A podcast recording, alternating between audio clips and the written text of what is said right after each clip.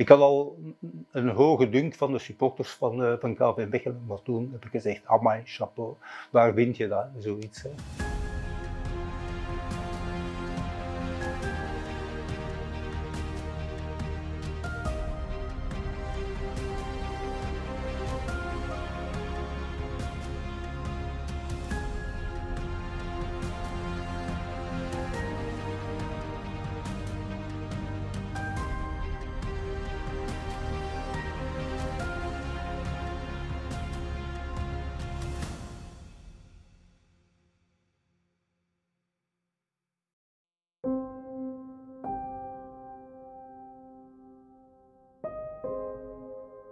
Welkom in Café Tilt. In de schaduwende luwte van het Mechelse Vrijbroekpark reconstrueren we samen met een geel-rood elftal de woeligste periode uit de clubgeschiedenis van Malinois. De redding. In onze voorlaatste aflevering kijken we met voormalig journalist Herman Meerseman van buitenaf naar de Mechelse situatie. Meerseman is tijdens het seizoen 2002-2003 clubwatcher van Malinois voor het Nieuwsblad. Toen uh, het gebeurde bij KV Mechelen, uh, was ik 54. En werd ik met brugpensioen gestuurd. En dan vraag je me, wat ga ik mij nog bezighouden? En ik kreeg dus van uh, François Collin, ik denk toenmalig chef sport of toenmalig chef voetbal, de vraag om het pas gepromoveerde KV Mechelen uh, te volgen. En hij zei mij, ja, dat gaat een, een, gaat een beetje bezigheidstherapie hebben, dat gaat niet te veel zijn. Die gaan niet met grote ambities starten. Het zal daar een vrijwel rustig seizoen worden, waarschijnlijk. En uh, ja, zo ben ik erin gerold. Hè. Ik keek er naar uit. Ik, vond dat, ik was, ik was dankbaar dat hij mij dat vroeg. En KV Mechelen, ik kende daar een aantal mensen. Ik kende ook een aantal journalisten die KV Mechelen voerden. Ik kende een aantal mensen die in de administratie, besturen zo zaten. Dus dat was, dat was aangenaam. Dat was zo, ik kan niet zeggen thuiskomen, maar dat was als ik iets mocht kiezen om te doen, wel ik zou dat gekozen hebben. Dus en dat werd mij dan tussen aanhalingstekens opgedragen. En dat was aangenaam, hè? dus uh, het vooruitzicht was mooi. En dan inderdaad, ik dacht ook, want ik had Mechelen de hele echt niet gevolgd, niet meer gevolgd van kortbij. En ik had uh, ook niet de indruk, toen ik die opdracht kreeg, van wat gaat hier allemaal gebeuren. Hè? Het is pas later gebleken dat er van alles toen al onderhuids woede en dat de financiële toestand rampzalig was. Ik had mij misschien beter moeten informeren toen al, maar dan was ik er misschien niet aan begonnen. Maar, uh, maar oké. Nochtans hing de promotie van KV Mechelen aan een zijde draadje door problemen met de voetbalbond over het toekennen van een licentie. Problemen die achteraf een voorbode blijken van nog meer financiële beslommeringen. Dat blijkt al in juli en augustus als eerst manager Geert Lermiet wordt ontslagen en daarna technisch directeur Ade Mos. De Mos is te duur voor de club, luidt het. Ik ben begonnen geloof ik op 1 augustus en, en, één of twee dagen later viel al het ontslag van Ade Mos als technisch directeur. En ja, het spel al op de wagen, want ik herinner me dat nog heel goed toen uh, Willy van de Wijngaard aankondigde dat de Mos weg moest. En uh, uit de Mos dat plots op, kwam opdagen terwijl hij zijn ontslagbrief gekregen had. En hij zei dat hij die brief nooit ontvangen had. En zo. Dat was dus, dan, dan wist ik, ooit het wordt hier een heksenketel, dat gaat hier niet goed komen bij KV Mechelen. En als journalist is dat wel een interessante periode. Maar ja, aan de andere kant, uh, je hebt een beetje sympathie voor die club opgebouwd in de loop van de jaren. Je kent er een aantal mensen. En dat vind je natuurlijk jammer dat zoiets moet gebeuren. En uiteindelijk kwam dan de ramp uh, met uh, de verheffening. Ik heb altijd geprobeerd in mijn carrière van mij niet te laten meedrijven, meesleuren in, in, in emoties of, of, in, of, in, of in haat of zo naar, naar mensen of naar clubs toe. Maar ik heb ik herinner me dat ik ooit misschien één keer in mijn hele leven, één keer, tranen weggepinkt heb op een perstribune. Dat was die fameuze match in Gent, die laatste, die, die match voor de verheffening. Hè, toen eigenlijk niet wisten of dat misschien wel de laatste match van KV Mechelen zou zijn. En hoe dat de supporters, vooral tijdens de match, bon, heb ik die match gevolgd, heel professioneel, maar nadien die supporters, zodat die maar bleven en bleven en bleven zingen en bleven de spelers terug, terug naar, uh, naar het uh, veld halen en, en, en, gaan groeten en bezongen.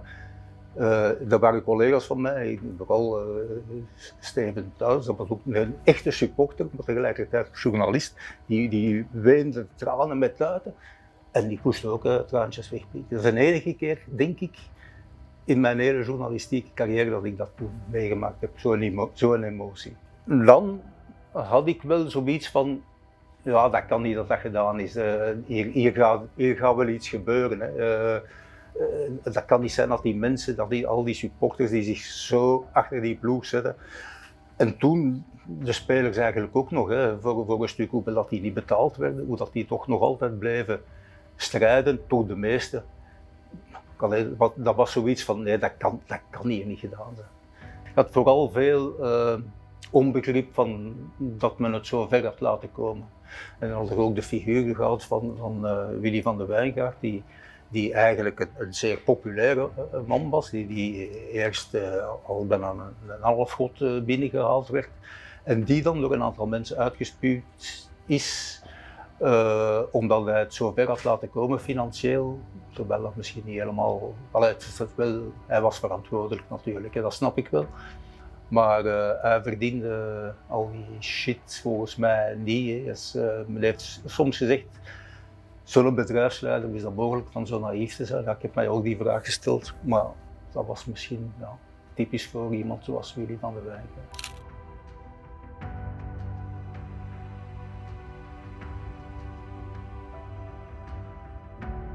Wie dat geschreven? Ja, dat kan zijn, maar ja, ik, weet het, ik weet het niet meer. Dus, uh, ja, ja, maar dat, dat, dat, dat, was ook, dat was ook uh, zo. Je, moest, je moet dan ook objectief blijven. Je kunt niet zeggen, maar wij denken dat, dat dan, dan beginnen als, als commentator, alleen commentator niet, maar als analist of als, uh, hoe zou ik het zeggen, als, als uh, cursieschrijver, ja, op, een opinie te geven. En dan mocht je, je moest zo, ik moest bij de realiteit blijven en dan op dat moment was dat, zal dat waarschijnlijk wel het geval geweest zijn.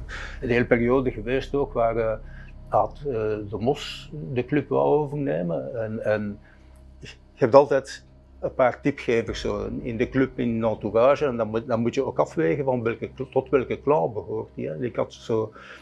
Ik kende iemand, ik, zal zijn naam ook niet zeggen, moest ik hem nog uh, herinneren, ik heb zijn voornaam nog, dat is alles, die tot de clan de Mos behoorde, clan als ik het zo mag zeggen, de strekking de Mos behoorde, maar iemand die daar totaal tegen was ook. En als je dan die twee standpunten dan bij elkaar zet, ja, dan kun je proberen in te denken wat, uh, wat er eigenlijk gaande is. Dat was, was moeilijk, hè. Ja, maar ik moet, zeggen, dat gebeurde ook, ja, inderdaad. Dat, dat, dat er mensen trachten te beïnvloeden. Maar voor zover ik me herinner, heb ik daar maar toch altijd voor geroet. Van altijd, als ik mijn stuk maakte, dan was er nog altijd van, oh, even laten bezinken, nog eens doen nalezen, zien dat ik hier niet dingen schrijf waar ik niet zeker van ben, of als ik dingen schrijf waar ik niet zeker van ben, dat duidelijk uit dat stuk blijkt dat ik er niet zeker van ben. Dus dat wel. De eerste spelerstaking is in feite half september. De lonen van juli en augustus zijn dan nog altijd niet betaald. Veertien dagen later worden zelfs de BMW's van de spelers weggehaald en krijgen ze tijdelijk kleinere wagens in ruil. Toen dat uh, de spelers hun wagens geconfiskeerd, allee, ik weet niet, geconfiskeerd is dat niet, maar weggenomen werden. Dat herinner ik me nog heel goed. Ik was daar toen niet, maar ik kreeg toen een telefoon. Ze weten wat er hier aan de gang is. Dus en, uh, ik weet zelfs niet meer wie dat mij gebeld heeft, maar er was iemand die werkte op KV Mechelen. Die, dus, die, die, spelen, die auto's van de spelers aan het wegnemen en zo. En dan ga je daar dan natuurlijk naartoe en, ja, en dan, dan praat je zo met een paar spelers en dan ja, zie je dan, die, die, die, die werden dan ook niet meer betaald. En dan begin je de verhalen naar boven te komen. Hè. Dus uh, ja, van, van, hoe moeilijk het is uh, zonder, zonder loon te zitten. En dan hoor je ook van andere mensen, uit, niet van de spelers zelf, mensen die niet bij de spelers zaten. Vooral van de kantine, die zeiden, die hier een speler om melk komen vragen. Is melk? Die, die, zou die geen geld hebben om, om, om, een doos melk te kopen en, en dat soort van dingen. Dus, en dan is er inderdaad, zijn er momenten dat je dan dingen moet schrijven waarvan dat je zegt van ja, ik moet het schrijven, want dat is de, wat er gebeurt. Maar het is absoluut niet van harte, dat is zo. inderdaad. Maar ja, als journalist moet je dat, moet je dat doen. Ja, uh, dat is natuurlijk. Allez, je moet om te beginnen dan de, de spelers uitkiezen met wie dat je de beste contacten had. Ik aan Steven de Pauw, toen de Valgaard. Dat waren zo'n beetje de, de mannen fiscaal. En, uh, en sommigen, zoals fiscaal, gingen daar professioneel mee om, want die was dan al een stuk in de 30, 4, 35 denk ik zelf al. En die, die was binnen, hè, dus die had geen problemen. Maar als je dan met andere mensen werkt, als de, de Valgaards en zo, die, die al eigenlijk in het begin van zijn carrière stond. En die dan die ontgoocheling moet meemaken. Ja, wat, wat kun je zeggen? eigenlijk is dat, kom bijna meer iemand, de goede vriend van u heeft, heeft, uh, heeft zijn vrouw verloren. Die, en je gaat naar die begrafenis en je moet, die, uh, moet daar tegen iets zeggen en je moet daar iets. Dat, is, dat, is, uh, dat is een beetje dat, dat, datzelfde gevoel zo. Ja, dat was niet aangenaam. Nee. Dat, was, dat was moeilijk. Ja. Goh, of ik niet welkom geweest ben op de club, laten we zeggen dat dat zal wel het geval geweest zijn dat niet welkom, dat niet. Maar het is zo dat, dat wel duidelijk gesteld werd dat, dat, dat we gaan hier niet op antwoorden. Of dat ze verwijzen naar, uh, naar de vereffenaar of, of, of, of nadien naar, naar, uh, naar Timmermans. Dat wel, dat nee, daar gaan we niet op antwoorden. Dat, dat, uh, daar gaan we nu niet op antwoorden. Dat, is wel een antwoord dat ik regelmatig gekregen heb, maar ik heb mij nooit buitengesloten gevoeld of ze hebben nooit gezegd, jong, stappen hier af. Dat is, dat is, dat is, dat is nooit gebeurd. De vergadering komt morgenavond om 6 uur in Elewijd bijeen. Voor KV Mechelen wordt het alles of niks. Inderdaad, morgen is er op een veronder. Hè.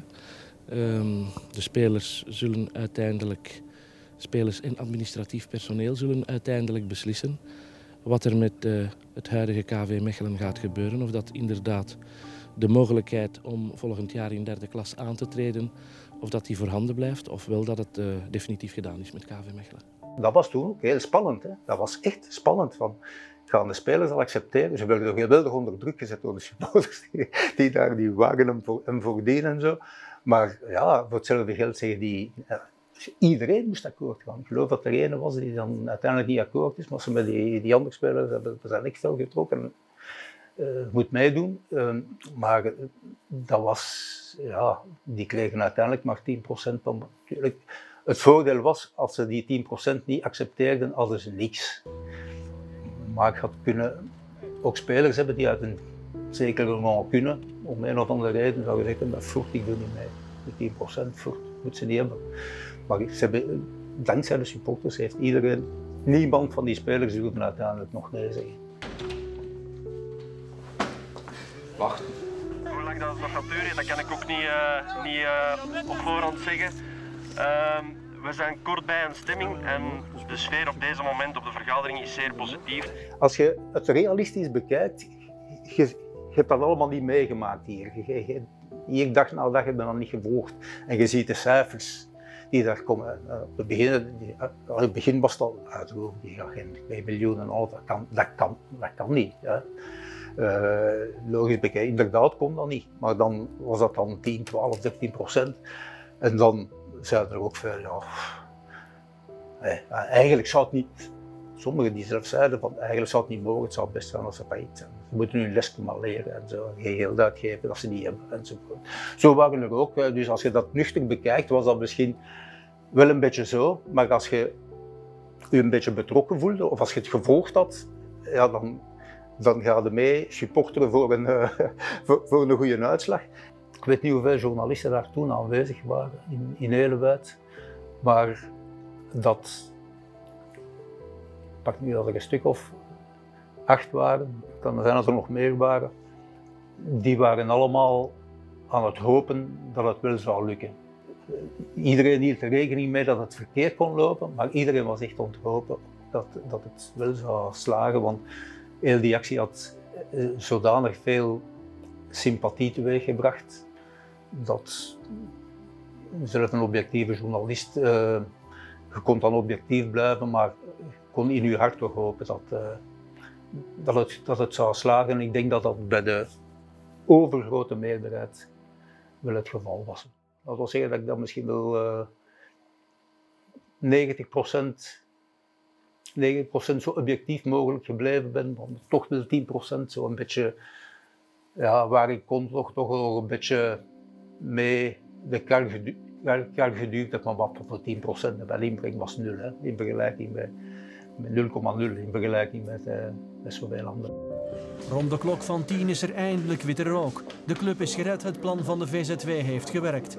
Alweer een emotioneel moment in de clubgeschiedenis van KV Mechelen in dit geval, ik denk dat dat zeer goed aangepakt geweest is eh, en zeer goed aangevoeld geweest is door, uh, door Mark Uiterhoeven. Hij heeft daar twee belangrijke uh, compagnons. Maar, uh, maar, hoe dan ook, die drie samen, die hadden natuurlijk een grote impact. Dat waren iconen voor de supporters. Maar ik denk dat de, de druk van de supporters zelfs, dat die, supporters zelf wouden iets doen, maar ja, wat kun je doen als supporter, hè? dat weet je niet. En als je dan iemand hebt, zoals Mark Uiterhoven, die daar zijn schouders onder steekt, die toen op het toppunt was van zijn bekendheid, uh, ja, dan, dan, dan heb je dat geluk dat je zo iemand hebt, maar je moet daar dan ook mee inspelen want, om uh, zoveel geld in te zamelen. Ik had ervoor al een, grote, een grote indruk, een grote feeling met, met ik bewonderde de, de, supporters van uh, eh, KV Mechelen altijd, omdat dat meestal ook heel positieve mensen waren, een positief supporter. Onder andere, ik, ik, herinner me nog, dat is van jaren voordien, met, met Michel Prudhomme nog, dat er een aantal supporters floten als de tegenpartij de bal had of zo. En die is een met die supporters gaan babbelen. Daar moet u energie niet in steken. Door die uit te fluiten en zo steekt u energie in voor ons te supporteren.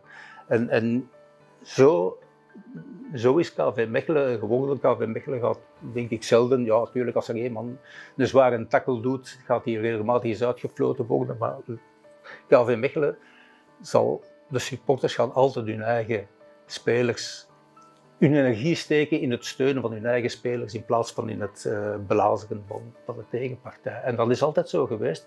En dat is die, die attitude, dat heeft meegezorgd voor de, de goede afloop uh, van, van, van, van, heel die affaire. De fans die KV Mechelen heeft, die hebben ze nergens, nergens anders. Dat is zo, en die sfeer van die club, dat blijft tegelijkertijd volks ook. Dus het, het, we gaan graag naar de voetbal, er gebeurt iets. We gaan ons amuseren. Dat is een ploeg die, die, die, uh, waar ik veel sympathie blijf voor hebben.